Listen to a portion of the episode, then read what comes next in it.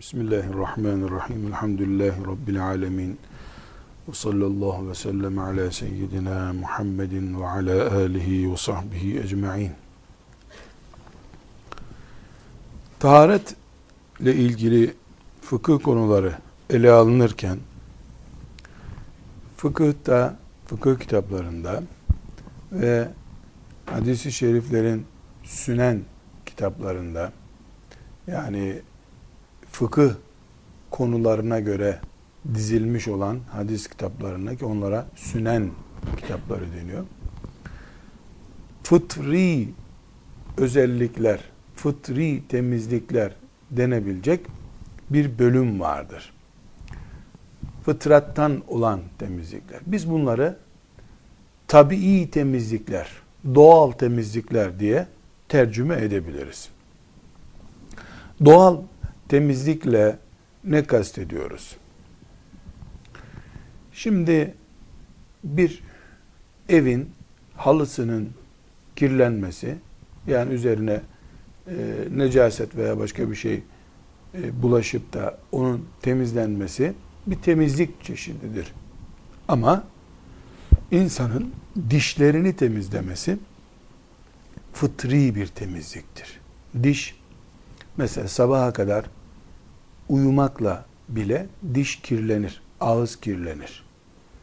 Ee, insanda belli tüyler sürekli büyür ve bunların temizlenmesi gerekir. Ee, fıtri temizlikler, yani fıtrattan olan, insanın yaratılışından olan ve temizlenmesi gereken temizlik malzemeleri fıtri temizlikler diye fıkıh kitaplarında yer almıştır. Bu konuyla ilgili e, pek çok hadisi şerifler vardır. Hatta bu fıtri temizlikler dediğimiz temizlik çeşitleri peygamberlerin üzerinden bize anlatılır. Yani enbiyanın temizliğidir denir. Çünkü enbiya e, tabii şartlarda yaşamışlar. Melekler gibi değil, insanlar gibi yaşamışlardır. Onlar e, tabii temizlik gerektiren e, hususlarda herkesin öncüleri olmuşlardır. Farklı hadisi şerifleri de dikkate alarak bu fıtri olan temizlikler yani insanda doğal olarak yapılması gereken temizlikler e, sırayla dizildiğinde birinci olarak e, istincayı zikredebiliriz. İstincayı fıkhın diğer e, taharet bölümlerinde de görmüştük.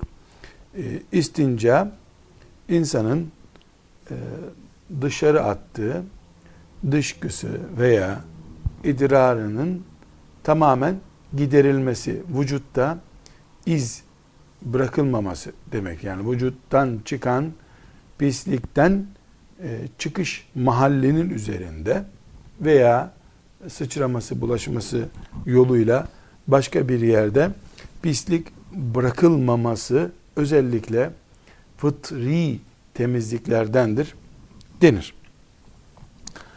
İkinci fıtri olan temizlik ağız temizliğidir.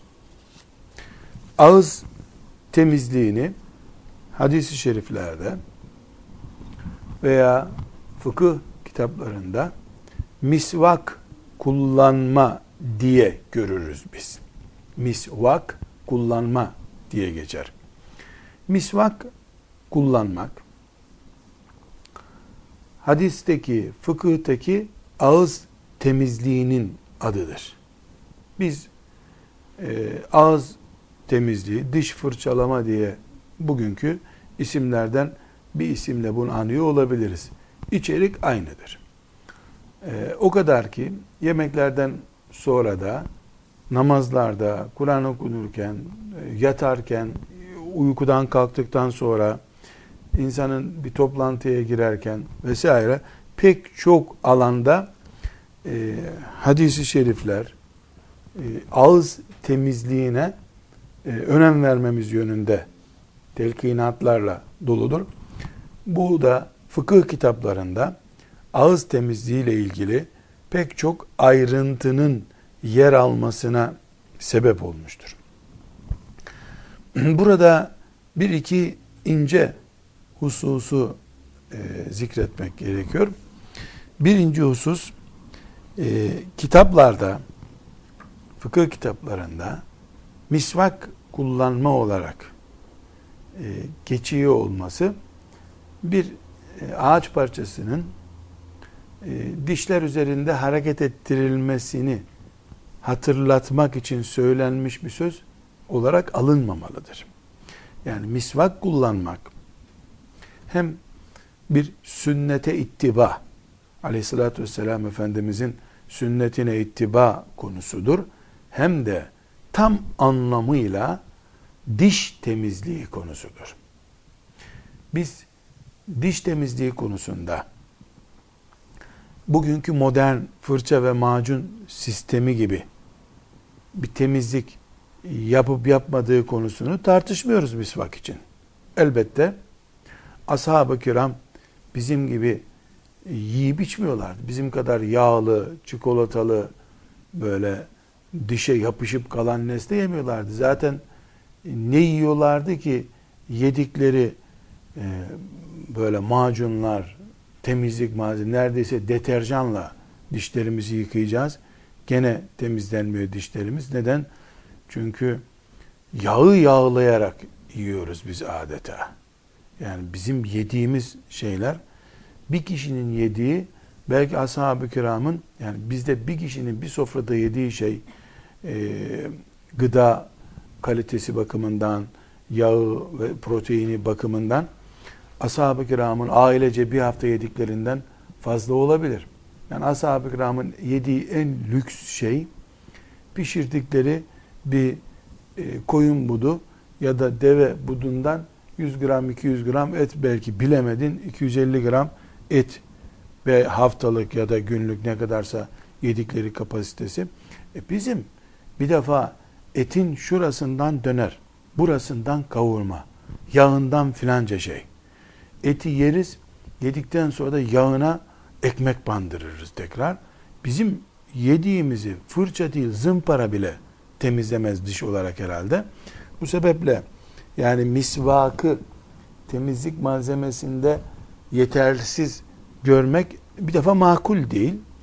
Ama böyle bir hayat tarzımız varsa gerçekten de fır, e, fırçanın ve macunun yaptığını misvak yapmayabilir. Yapmıyor da nitekim. Biz misvakı e, Resulullah sallallahu aleyhi ve sellem Efendimizin sünneti bir hatırası olarak kıyamete kadar yaşatmayı tercih etmeliyiz.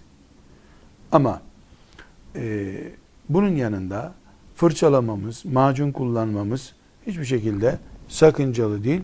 Bilakis ağız temizliğini önemseyen, ağız kokusundan e, hoşlanmayan ve Kur'an okuyan, zikir yapan bir ağzın kokmaması gerektiği yönünde bize tembihatta bulunan aleyhissalatü vesselam Efendimizin e, mübarek tavsiyelerine de uymuş olarak biz daha önemli bir iş yaparız. Bir başka husus, misvak illa Medine'den gelmesi gereken bir bitki değildir. Tüylenebilen herhangi bir ağacın dalından, gök kökünden, mesela dut ağacının köklerinden çok güzel misvak olur. Medine'den gelen orada büyüyen bir ağaç çeşidi, oradaki çöllerde büyüyen bir ağaç çeşididir. Ee, yani misvak, erak denen bir e, ağacın ya da bitki çeşidinin e, dallarından, köklerinden yapılıp hacılar tarafından bize getiriliyor ve kullanıyoruz. Önemli olan o ağaç değildir. Önemli olan sünnetin icra edilmesidir. Sünnet nedir? Bir, ağız temizliği. Ama bu ağız temizliği mesela fırçalamayı tarif eden e, fıkıh kitaplarımız sadece bunu sağdan sola iki defa e, geçirme olarak değil, diş aralarına, damağın içine ve benzeri yani ağız temizliğini bir bütün olarak yapabilecek bir e, madde, alet kullanılmalıdır. Bu sebeple e, eğer mesela dut ağacı da e, kökleri tüylenerek bu işi yapıyorsa e, o da temizliği sağlar. Her halükarda fırça ve macun da ağız temizliğidir. Doğal temizliğimiz, fıtri temizliğimizdir. Bunu sadece dış tabipleri övdükleri için yani ağız dişlerimiz çürümesin diye değil. iki şey için yaparız. Bir, biz bunu ta büyük peygamberlerden, ilk peygamberlerden itibaren e, peygamberlerin yaşam tarzı, temizlik tarzı olarak gördük. Bitti bizim için. Biz bit, bitti. Yani peygamber mirası bize. İki, Müslümanın ağız kokusuyla mümin kardeşlerinin yanında bulunması doğru bir hareket değil. Müslüman temiz insandır. Müslüman hoş geldiniz derken ağzından çıkan e, kerih koku, kucaklaşırken ağzından gelen kerih kokular, çirkin kokular e, Müslümanla, Müslümanlık kelimesiyle mütenasip değildir.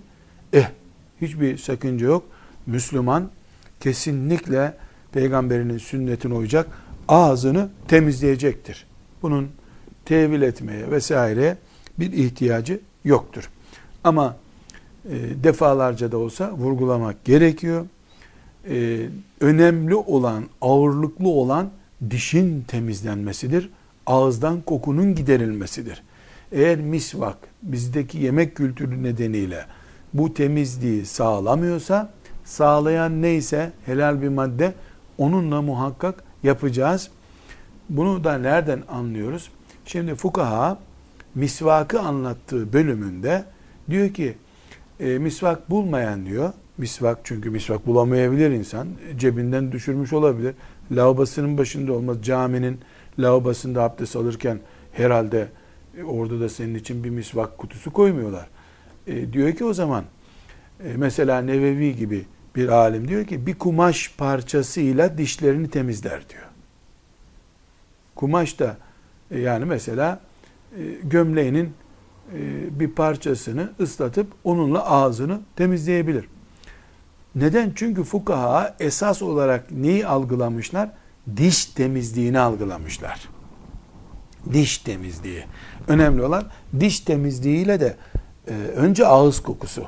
Ağız kokusunun giderilmesi. Sonra e, dişlerin hem sağlık açısından hem de görünür açısından temiz olmaları hususunda e, biz yönlendirilmiş bulunuyoruz. Ta kadim peygamberlerden beri bu enbiyanın sünnetidir. O enbiyanın sünnetine ittiba ediyoruz. E, bu enbiyanın sünnetlerinden yani fıtri sünnetlerden birisi de e, ağız çalkalamaktır.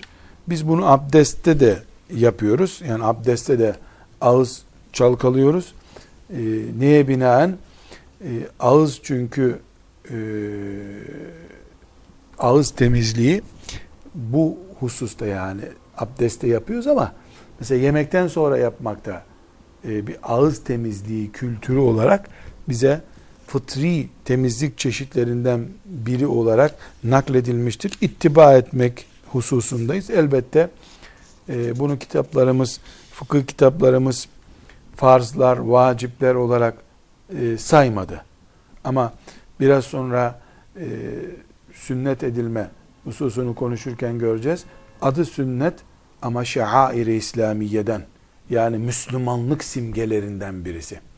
Bu ağız temizliği ve burun temizliği abdestte abdestin sünnetlerindendir. Gusülde guslün farzlarındandır. Ama ağız çalkalamak, burun çalkalamak e, bize enbiyanın sünnetinden yani doğal bir hayat yaşayan, fıtri bir hayat yaşayan e, ve fıtri hayatı en güzel örnekleriyle e, sağa sola kaymadan, aşırılığa ve e, çekimserliğe kaymadan yaşayan enbiyanın metodu olarak karşımızda durmaktadır. Enbiyadan bize intikal eden temizlik, doğal temizlik konularından birisi de koltuk altlarının temizlenmesidir. koltuk altları erkekler için de kadınlar için de e, tüylerin koparılması, temizlenmesi şeklinde e, anlaşılabilir. Yani koltuk altındaki tüylerin sadece e, omuzun tam altına isabet eden ve kolla e, yandan göğüsün birleştiği yerdeki e, avuç içi kadar olan en geniş ölçüsü avuç içi kadar olan ve e, normal kıllara göre daha çabuk ve daha farklı büyüyen tüylerin alınmasını kastediyoruz. Bu da e, İslam terbiyesinden ta İbrahim Aleyhisselam'dan beri peygamberlerden intikal eden tabii temizliklerden bir temizliktir. E, bunun muayyen şart bir süresi yoktur. Fakat Resulullah sallallahu aleyhi ve sellemin ashabına 40 günü geçirmemeleri hususunda tembihatta bulunduğuna dair rivayetler vardır. Yani önemli olan e, Müslümanın koltuk altı tüylerini temizlemesidir. Bu e, 40 günü geçmemelidir. Fakat tıpkı sakalda olduğu gibi köse bir Müslümanın sakal ahkamı taşımayacağı gibi yani bir nedenle koltuk altında tüy bitmeyen birisi illa 40 günde bir e, temizlenecek e, diye bir şart da yok ama normal e, ölçülerde e, insanın koltuk altındaki tüyleri en geç 40 günde bir temizlemesi gerekir. Evet, 40 günde bir. Burada bizim kültürümüzde e, bu tür temizlikler, e, banyo yapma dediğimiz yani umumi vücut temizliği gününe algılanır. Bu bir kültür tarzıdır, yaşam tarzıdır. Bu da bir sakınca yok. Ama önemli olan işte ben filan gün banyo yapacağım. O gün bu temizliği yapayım diye bu sünneti ihmal etmemektir. E, hususi banyoya rastlatılabilir. Banyo gününe rastlatılabilir. Hayır. Aynı şekilde hususi bunun için bir temizlik yapılabilir. Zira bir kanama vücut deride bir kanama nedeni olmadığı sürece bu abdeste gusülle ilgili değildir. Gerek koltuk altı ve gerekse etek tıraşı dediğimiz tıraşların e, gusülle, abdestle bir alakası yoktur. Abdestle alakası olabilir. Ne olabilir? O esnada jilet kullanan birisi için kullandığı e, jiletten dolayı veya kesici aletten dolayı bir kanama söz konusu olursa abdesti bozulacağından abdesti yoksa vücuttaki tüylerden tıraş etmek neresinden olursa olsun vücudun abdestle alakalı değildir. Yine bu koltuk altlarıyla beraber e, zikredilmesi gereken bir başka husus da e, etek tıraşıdır. Hem erkeklerde hem kadınlarda. Bu da e, 40 günle sınırlıdır. 40 gün kuralı burada da vardır. Ama e, 40 gün kuralı özellikle e, son noktayı göstermek içindir. Yani maksimum nereye kadar çıkabilir bu temizlik? 40 günde hiçbir tüylenme olmayabilir de yani kullanılan e, tüyü giderme yöntemi mesela şimdi yeni yeni gelişen e, lazer e, denen e, cihazla yapılan bir temizlikte 6 ayda bir temizlik yapılıyorsa bu 6 ayda olabilir 6 ayda olabilir ama 15 e, gün üzerine artık rahatsız edecek pislenmeyi, orada mikroplanmayı e, neden olacak bir uzama olduysa 40 günü beklemek diye de bir kural yok. Mühim olan temizliktir. Burada erkekler ve kadınlar konusunda bir e, işaret var. Bir de ayrıntılı bir fıkıh meselesine temas edeceğiz. Şimdi erkeklerin e, gerek koltuk altı ve gerekse etek tıraşlarında ustura gibi yani jilet gibi şeyler kullanmaları tavsiye edilmiştir. E, kadınlarda ise e, daha çok ağda türü yani yontma türünden olanlar tavsiye edilmiştir. Ama bu sünneti şöyledir, farzı böyledir şeklinde bir e, tavsiyede bulunulmuş değildir. Sadece yani bu olsa iyi olur. Yani kadınların e, ustura cinsi şeyleri kullanma yerine herhalde fıtratlarına daha uygun olan yontma, koparıp alma tavsiye e, edilmiştir. Bu da şüphesiz tıbbi sakıncası olmayan bir yolla muhakkak yapılmalıdır. Bir başka muasır çağdaş meselelerden birisi olarak şimdi e, bu tüylerin alınması için e, güzellik ya da bakım merkezleri gibi merkezlerde bu yapılıyor. E, kanun gibi bir kural koymamız gerekiyor. Kadın veya erkeğin galiz avretini tıbbi bir neden dışında hiçbir sebeple başkasına, eşinden başkasına göstermesi asla caiz değildir.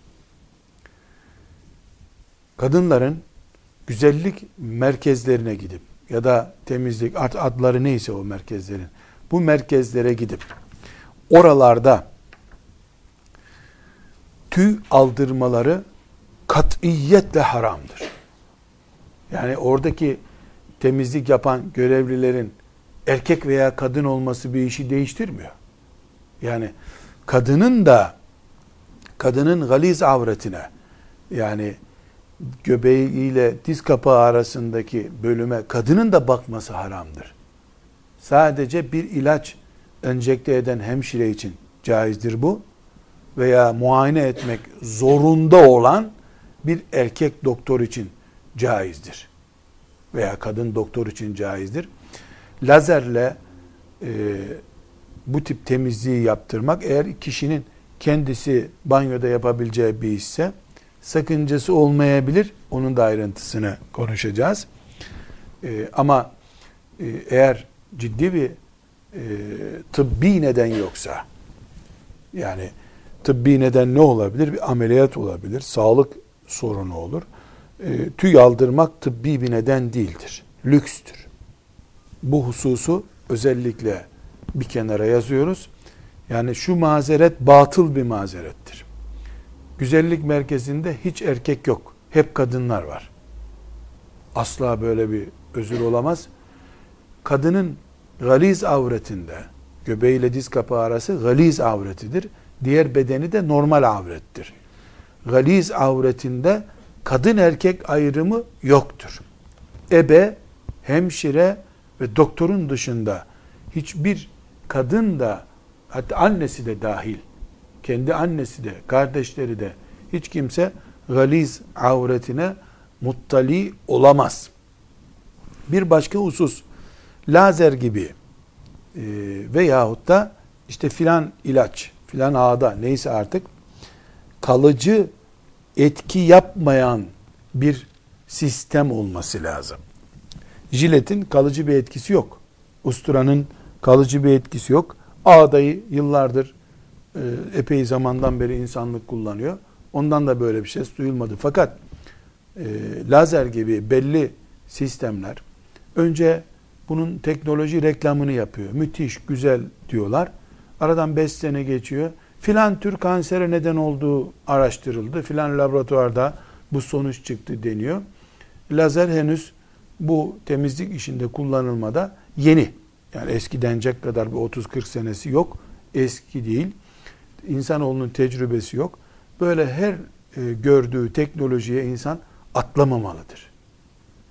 Eğer lazerli bir sistem e, mesela kadında filan hastalığa neden oluyorsa onun da kullanılması o zaman caiz değil.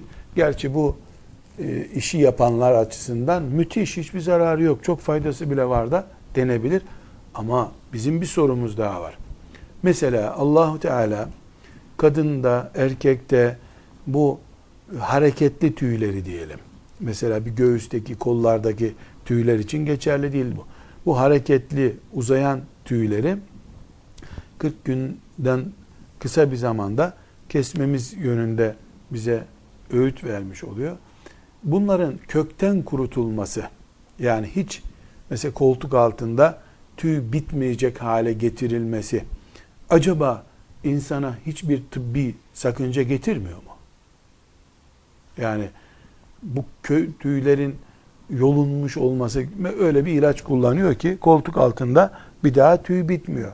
Bu vücudun terlemesi, hücrelerin hava alması gibi kim bilir ne hikmetlere binaendir bu. Yani bunu da e, gerçek bir tıbbi araştırma eğer e, bu tüylerin olmamasının bir zararı yok insanda. Yani bunlar e, olsun veya olmasın insan terlemesi bilmem vesairesi artık neyse yani tıbben bu tüyler herhalde boşuna değil insanda. Erkeğin yüzünde sakal bitmesiyle kadının sakalsız bıyıksız yaratılması arasında kesinlikle insanoğlunun kıyamete kadar öğreneceği çok büyük farklar vardır. Zira Rabbimizin hiçbir işinde hikmet dışılık yoktur. Büyük hikmetler doludur yaptığı her işte allah Teala'nın yaratırken, öldürürken, her ne yaptıysa allah Teala baştan dibe kadar hikmettir o. Kadınları bıyıksız yaratması kim bilir hangi hangi meziyetlerinin olmasının nedenidir. Erkeklerde bıyık yaratması, kaşlarını kalın yaratması var allah Teala'nın bu işte büyük hikmetleri. Aynı şekilde bu alınacak tüylerin de bizi en azından ayda bir defa usturanın ya da ağdanın başına götürmesindeki hikmetleri yok sayamayız. Ama e, mesela jilet kullanılması, ustura kullanılması 10 günde bir bir tekrarlamayı gerektiriyor da filan ilaç bunu 25 günde bire çıkarıyorsa belki bu bir makuliyet taşıyabilir. Fakat kökten yani mesela 3 defa lazer yapılıyor da üçüncüsünden sonra bir daha tüylenme olmuyorsa burada bir durmak lazım. Bir fıkhi kural olarak bunu söylüyorum.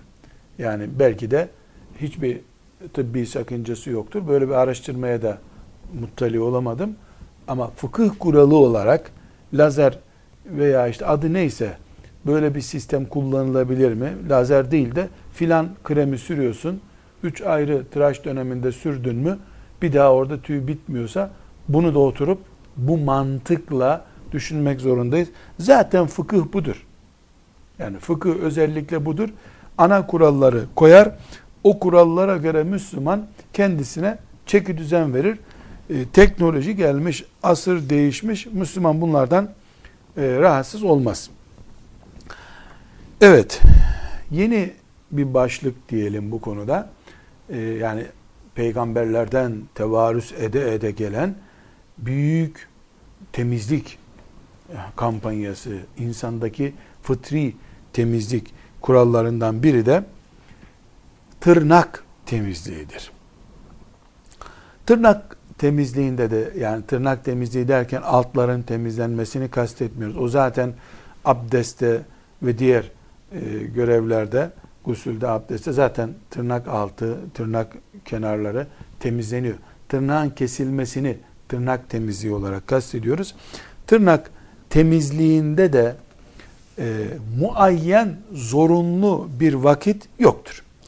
Ama e, Müslümanın tırnağını haftada bir defa kesmesi eğer normal büyüme içerisindeyse belli bir yaştan sonra bu büyüme duruyor veya çok uzama oluyor olabilir. Her halükarda e, kesilmeyen bölümü tırnağın yani kesilmesi için büyüyen bölümü insan elinde belli oluyor. E, ve bakıldığında bu tırnaklar uzamış, dencek tırnak kesilmemiş tırnaktır. Sünnete aykırıdır. Evet bunun eğer altında bir kir birikip de bu pislik suyun ulaşmasına engel olmuyorsa bu e, namaza mani değil, oruca mani değil, hacca mani değil ama pislik adı üstünde pis olmaktır. Bu yani pislik sadece insanın eline necaset bulaşması değildir. Uzamış bir tırnak da pisliktir. Binaenaleyh temizlenmesi lazım. Cuma namazından önce bu temizliğin yapılması sünnete uygun olandır. Yani cuma banyosu diye bir banyomuz olur bizim. Cuma temizliği diye diyelim buna. O temizliğe e, tırnakta dahil olur. Perşembe günü de yapılması caizdir. Bir toplantı, bir misafirlikten dolayı salı günü de olur. Yani bu en geç cuma günü cumaya giderken böyle tırnaksız gitsin Müslüman anlamına bunu kabul edeceğiz biz. Tırnakların kesilmesinde de fıkıh kitaplarında farklı tavsiyeler vardır. Yani işte şehadet parmağından başlayıp e, sağ uç parmağa doğru gidip sonra sol baş parmaktan başlayıp sola doğru gitmek de vardır. Böyle bir zihnimize karışıklık değil de net bilgi olsun diye söyleyecek olsak sağ parmaktan başlayıp soldaki en son parmağa doğru giderek kessek, bunu bir metot edinsek yine sünnete uymuş oluruz. Çünkü bu konuda farklı rivayetler var. Demek ki aleyhissalatü vesselam Efendimiz farklı zamanlarda farklı şekillerde kestiği, tırnağını temizlediği olmuştur. Tırnakla ilgili konuşunca e, özellikle tırnak kelimesinin bu asırda ortaya çıkardığı e, hüküm gerektiren, fıkıh e, bilgisi gerektiren konulardan birisi tırnak boyası meselesidir. Tırnak e, boyası e, genelde yağlı ve tabaka oluşturan bir nesneden oluşmaktadır. Tırnağın üzerinde bir tabaka oluşuyor. Bu da kına gibi bir renk değildir. E, nedir? Tabakadır. Yağlı boya gibi duvara sürüldüğünde yağlı boya gibi bir. Evet bu elle tutulup kalınlığı hissedilecek bir deri kadar, tırnak kadar kalın değil belki ama bir milimin çeyreği kadar da olsa nihayetinde bu bir tabakadır, bir katmandır ve tırnağın üstü tırnak boyasıyla boyandığında tıpkı boyacıların yağlı boyasıyla boyandığı gibi altına su geçmesine yani o boyanın altının ıslanmasına engel olmaktadır. Bu da e, tereddütsüz bir şekilde e, suyun alta geçmemesinden dolayı abdestin ve guslün olmaması sonucunu doğurur. Özellikle kadınların kullandığı ki Müslüman e, kültüründe olmaması gereken kör batı taklitçiliğinden ve güzelliğinin e, ithal olmasına razı olan doğal güzellik yerine ithal güzellik tercih eden, geçici güzellikleri doğal güzellik gibi algılayan batıcı, kapitalist, e, kadını cinsel meta olarak gören e, anlayışın ürettiği bir e, boya çeşidi bu diyelim. Yani hem namaz kılan hem de boya tırnağına süren bir kadın düşünülemez. Neden düşünülemez? Çünkü bu, bu durumda Müslüman namazından ferahat etmiş olması gerekiyor. Hiçbir şekilde e, fıkıhtaki e, su muhakkak iğne ucu kadar e, da olsa hiçbir yerden e, ulaşmama ihtimali olmayacak. İlla vücudun her yerine ulaşacak abdestte veya gusülde kuralına ters düşüyor. Tırnak boyası abdeste engeldir. Abdeste engel olmasa bile kafir kadınlara benzemektir. Teşebbuh yani müminlerden olmayanlara benzemek şeriatımızın temel e, yasaklarından bir tanesidir. Çünkü bu e, mesela kışın giyilen bir eldiven değil ki bunu gavur da giyer, Müslüman da giyer diyelim. Bu batı kültürünü yansıtıyor. Kadını boya ile güzelleştirmeyi yansıtıyor. Ve olduğundan daha farklı gösteren çift şahsiyetli zihniyeti yansıtıyor. Dolayısıyla bu asrın getirdiği teknolojik imkanların sağladığı bir yaşam tarzı, vücuda bakım kuralı değildir. E, bunu kabul edemeyiz. E, bundan Müslüman kadınların kesinlikle uzak durmaları gerekir ki e, Batı kadın yani kafirlerin yaşam tarzından da uzaklaşma ilkemize uyulmuş olsun. Bir bu doğal temizlik vücut üzerinde, insan vücudu üzerindeki doğal temizlik e, prensiplerinden bir tanesi de sakal konusudur. Erkeklerin sakallı olmaları fıtrattandır. Ne demek fıtrattandır. Yani bu insanın insan olarak yeryüzünde dolaştığı günden beri Allah'ın insana takdir buyurduğu meziyetlerdendir. Tırnak kesmek, e, koltuk altı tüylerini almak, istinca yapmak fıtrattan olan şeylerdendir. Bu, bu fıtrattan olan, insanın tabii temizliklerinden olan biri de sakallı olmaktır. Sakallı olmak temizliktir. Sakalsızlık ise tırnak boyası gibi. Sonradan Müslümanlara bulaşmış bir boya çeşididir. Bayanlar, hanımlar sakalsız yaratıldılar, öyle kalırlar. Erkekler sakallı yaratıldılar, sakallı kalırlar. Sakalın bakımı da şüphesiz sünnettendir. Bu e, önce prensip olarak e, Müslümanın, erkek Müslümanın sakallı olmasının gerekliliğini önce konuşacağız. Birinci taviz verilmeyecek kuralımız bu. İkinci olarak da sakal da karma karışık bir e, yapıya neden olmamalı. Sakal da bakım ister. Saç konusunda bir daha göreceğiz bunu. Resulullah sallallahu aleyhi ve sellem Efendimiz böyle e, kablo gibi, e, düğümlü kablolar gibi birbirine karışmış bir saç sakal istemiyor. Müslüman tertipli, düzenli olsun istiyor. Sakal hususunda e, fukahanın kesmek caizdir diye bir kelimesi yoktur. Yüzde erkeğin yüzünde e, en azından ön çenesinde bir miktar bulunması belki hani e, işte makineyle alınmış ama sıfırlanıp ya da jiletle, usturayla alınmamış haline varıncaya kadar muhakkak bir şey bulunsun tarzında. Yani bari bari bu kadar tarzında bir anlayış var fukaha arasında. Ee, sakal kesilebilir, caizdir diye bir kelime hiçbir fakihin ağzından çıkmamıştır. Ümmeti Muhammed'in Resulullah sallallahu aleyhi ve sellemi anlayıp peşinden gitmeye çalıştığı günden beri.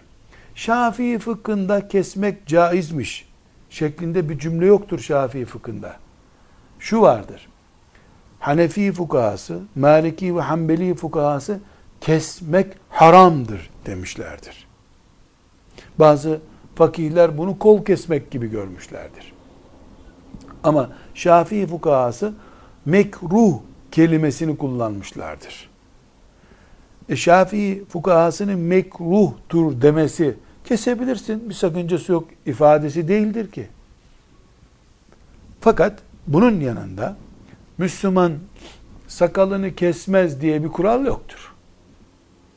Müslümanın ferahat edebileceği şey iffeti veya imanı ya da sakalıysa mesela sakalını verir. Çünkü sakalın gitmesi kökten gitme değildir. Geri gelir Allah'ın izniyle. Ama imanından, iffetinden, Müslüman kimliğinden taviz verecek bir duruma geldiği zaman bu geri gelir bir sorun değildir.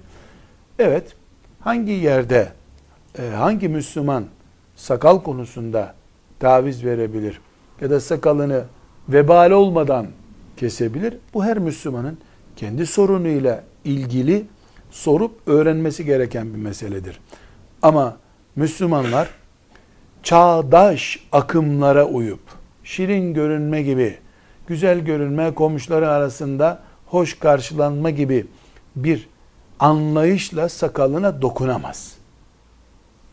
Bu Müslümanın dinini hafife almasıdır. Ama filan işteki özel konumu, filan resmi görevdeki özel durumu, fetvaya danışılıp da fetva evet bu özel bir durumdur diye bir e, ruhsat verilirse Müslüman zaten sakallıdır aslında. Yüzüne jilet de vursa, o tıraş da olsa onun kalbi sakallı mümin kalbidir. Fakat sakal bırakmış olsa bile çağdaş yaşamın sakalsızlığı getirdiğini ve bunun aslında daha uygun olduğunu söyleyen bir Müslüman yüzünde bir bağ sakal da olsa sakalsızdır. Kalbi sakalsız çünkü. Müslümanın kalbinde sakal olur her şeyden önce. Bunu nasıl örneklendirebiliyoruz? Şöyle örneklendirebiliyoruz. Kendisi hacca gitmiş, yaşlanmış, emekli olmuş. Zaten ikide bir berbere gitmek de doğru olmuyor. Sakal bırakmış. E bir de hacılığı da yerine otursun diye. Ama oğlunun e, sakal bırakmasını istemiyor. Daha evlendirmedik seni yavrum bekle diyor. Evleneceği adayın onu sakalsız görmesini istiyor. Bu mümin kendi sakallı değil aslında. Tüylü. Tüy başka şey, sakal başka şey. Yüzünde tüy var bu müminin. Her yüzünde tüy olan sakallı diyecek halimiz yoktur. Yani sakal e, terbiyesi fıtrattan olan bir terbiyedir. Allah'ın yaratmasının orijinal olarak kalması demektir. Bu ümmetin özelliklerindendir. Sakal kesilmez diye de e, bir kural yok. Ama müminin kalbi sakallı olmalı. Beyni sakallı olmalıdır. Bu hususta bu dikkat edeceğimiz önemli bir kural olarak bunu bir kenara not ediyoruz. Fıtrattan olan özelliklerden biri de bıyık bırakmaktır. Bıyık sarkmak başka şey, bıyık bırakmak başka şeydir. Yani bıyıkları e, jiletlemek de yani usturaya vurmak da tavsiye edilmemiştir. Dudaklara inen bıyık da tavsiye edilmemiştir. Hadis-i şerif kısaltın diye bir ifade kullanıyor. Bıyıklar özellikle kısa tutulur. Bu kısalık e, şimdiki e, modern cihazlar, tıraş aletleri açısından 2 numara, 3 numara, 4 numara gibi böyle bir tıraş makinalarındaki rakamları kullanarak söyleyebiliriz. Bu şekilde bir e, bıyık bırakma fıtri sünnetlerdendir. E, veya özellikle bir vurgulama yapacak olursak mesela Hanefi fukahasından e, İbn Abidin Hanefi fukahasının görüşünün bıyığı kısaltmak olarak uygun olacağını söylemiştir. Bıyığı sıfıra vurmayı da benimseyen fakihler vardır. Yani sıfıra vurmakla da neyi kastediyoruz? Bıyık e, usturayla veya jiletle temizlenebilir. E, bıyıkların ne kadar sürede temizlenmesi ya da kısaltılması gerekir sorusuna tıpkı diğer temizlemelerdeki 40 günlük rakam karşımıza çıkıyor. En geç 40 gün diyelim. Ama mühim olan Müslümanın e, görüntüsüdür. Müslüman bu görüntüyü temiz tuttuğu sürece e, temizlik sağlanmış demektir. Bunu üç günde bir de yapar. Her sabah e, evden çıkarken böyle bir temizlik yapmayı da tercih edebilir Müslüman. Ama her halükarda temizliktir esas olan. Esas olan Müslüman temiz olacaktır. Fıkıh konularından veya hadis ilminden yola çıkarak devam ettiğimizde fıtri temizliklerden biri olarak da e, sünnet olma veya çocukları sünnet etme konusu karşımıza çıkmaktadır. Sünnet adı üstünde sünnet bir defa. Biz bunu sünnet diye e, tercüme etmişiz Türk halkı. E, fıkıh kitaplarında hitan adı verilir buna. Hitan. E, hitan çocukların e, sünnet edilmeleriyle ilgili meseledir. Fıkıh hükmü açısından sünnettir. Farz değil, vacip değil, sünnettir. Tıpkı ezan gibi. Ezan da namazın sünnetlerindendir. Namaz vaktinin sünnetlerindendir. Ama bunun adı sünnettir. Kendisi İslam simgesidir. Şairi İslamiye deniyor buna. Şairi İslamiyedendir. Bir şeyin şairi İslamiyetten olması ne demek? Müslümanı Müslüman olmayanlardan ayrıt eden özellik demektir. Bunun sünnet olması hafife alınabilirliğini göstermiyor. Niye farz gibi simgelenmemiş? Çünkü bu toplumun bütününün zaten doğal bir yaşam tarzı olarak kabul ettiği, fıtri gördüğü, tabiat gereği bunu yapacağı, yani bir ağacın budanması gibi göreceği bir konu olduğundan sünnet olarak adlandırılmış ama tıpkı ezan gibi bu baş kaldırı konusu olursa dinden çıkaran hususlardan da olur. Şair-i İslamiye'den olmak, İslam'ı simgeleyen şeylerden olmak bu demektir. Ne zaman yapılmalıdır bu? Sünnetin zamanı, hitanın zamanı ne zaman olmalıdır? Yedi günlükten doğum anından hatta tabip uygun görüyorsa doğum anından bulu çağına kadar herhangi bir zamanda çocuğun sünnet ettirilmesi mümkündür. Hanefi mezhebinde itibar edilen görüş, tavsiye edilen şey çocuğun yaşına, psikolojisine dikkat edilen bir zamanda bunu yapmaktır.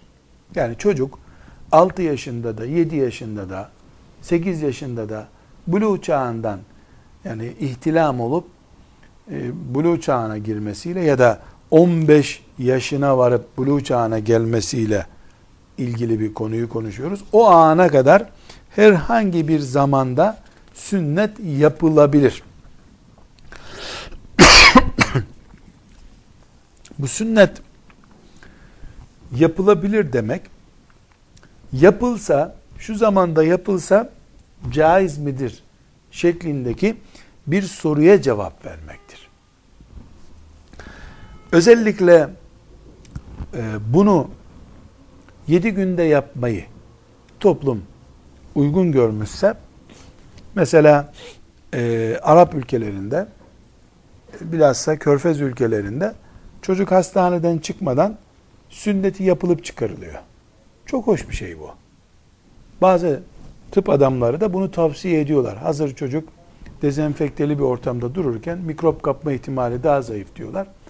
Böyle de olabilir. Veyahut da e, bazı çocukların yaratılışındaki e, organlarındaki sorunlar nedeniyle hemen müdahale edilip sünnetin yapılması da gerekiyor olabilir. Yani bu yedi günlükten buluğ çağına kadar herhangi bir zamanda yapılmasında bir sakınca yoktur. Bu serbesttir diyoruz. Burada e, meselenin ciddiyetini anlamamız bakımından sahih bir hadis-i şerifi e, nakletmek istiyorum. İlk sünnet olan insan İbrahim Aleyhisselam'dır. Ve 80 yaşında Allah ona sünnet olmasını emretmiş. Kur'an-ı Kerim izibtela İbrahim Rabbu bi kelimatin etemmehun diye e, buyurduğu konuda da zikredilir bu. Allah İbrahim'i bazı sözlerle imtihan etmeyi murad etti. Hepsini tamamladı İbrahim. Ne emrettiyse Allah yaptı da Halilullah oldu böylece. Yani İbrahim'in milletinden olmak da budur zaten. Ne emrederse Allah o emre hazır olmak. Ne emretti? Tamam. İbrahim Aleyhisselam 80 yaşındayken Allah Teala ona sünnet olmasını emretmiş. Sahih hadis-i şerif konuşuyoruz. Ve e, kadum diye bir aletle sünnet olmuş. Kadum keser demek Türkçe'de. Keserle bildiğimiz ağaç ontulan keserle kendisini sünnet etmiş. Bu İbrahim. İbrahim Aleyhisselam. Ee, Allah ona da ehli beytine de salat selam etsin. Ee, yani büyük bir örnek, muhteşem bir örnek. فَاَتَمَّهُنْ Ne emrettiyse Allah yaptı. Hepsini tamamladı. Böylece de İbrahim oldu. Halilullah İbrahim oldu. Ee, sünnet konusunu, çocuğu sünnet ettirmenin sünnet konusunu konuşuyoruz. Bunun için e, belli önemini anlamak bakımından bir örnek olsun diye İbrahim Aleyhisselam'ı zikrettik. Ama bir husus daha var. Maalesef esefle e, zikretmemiz gereken bir konu var.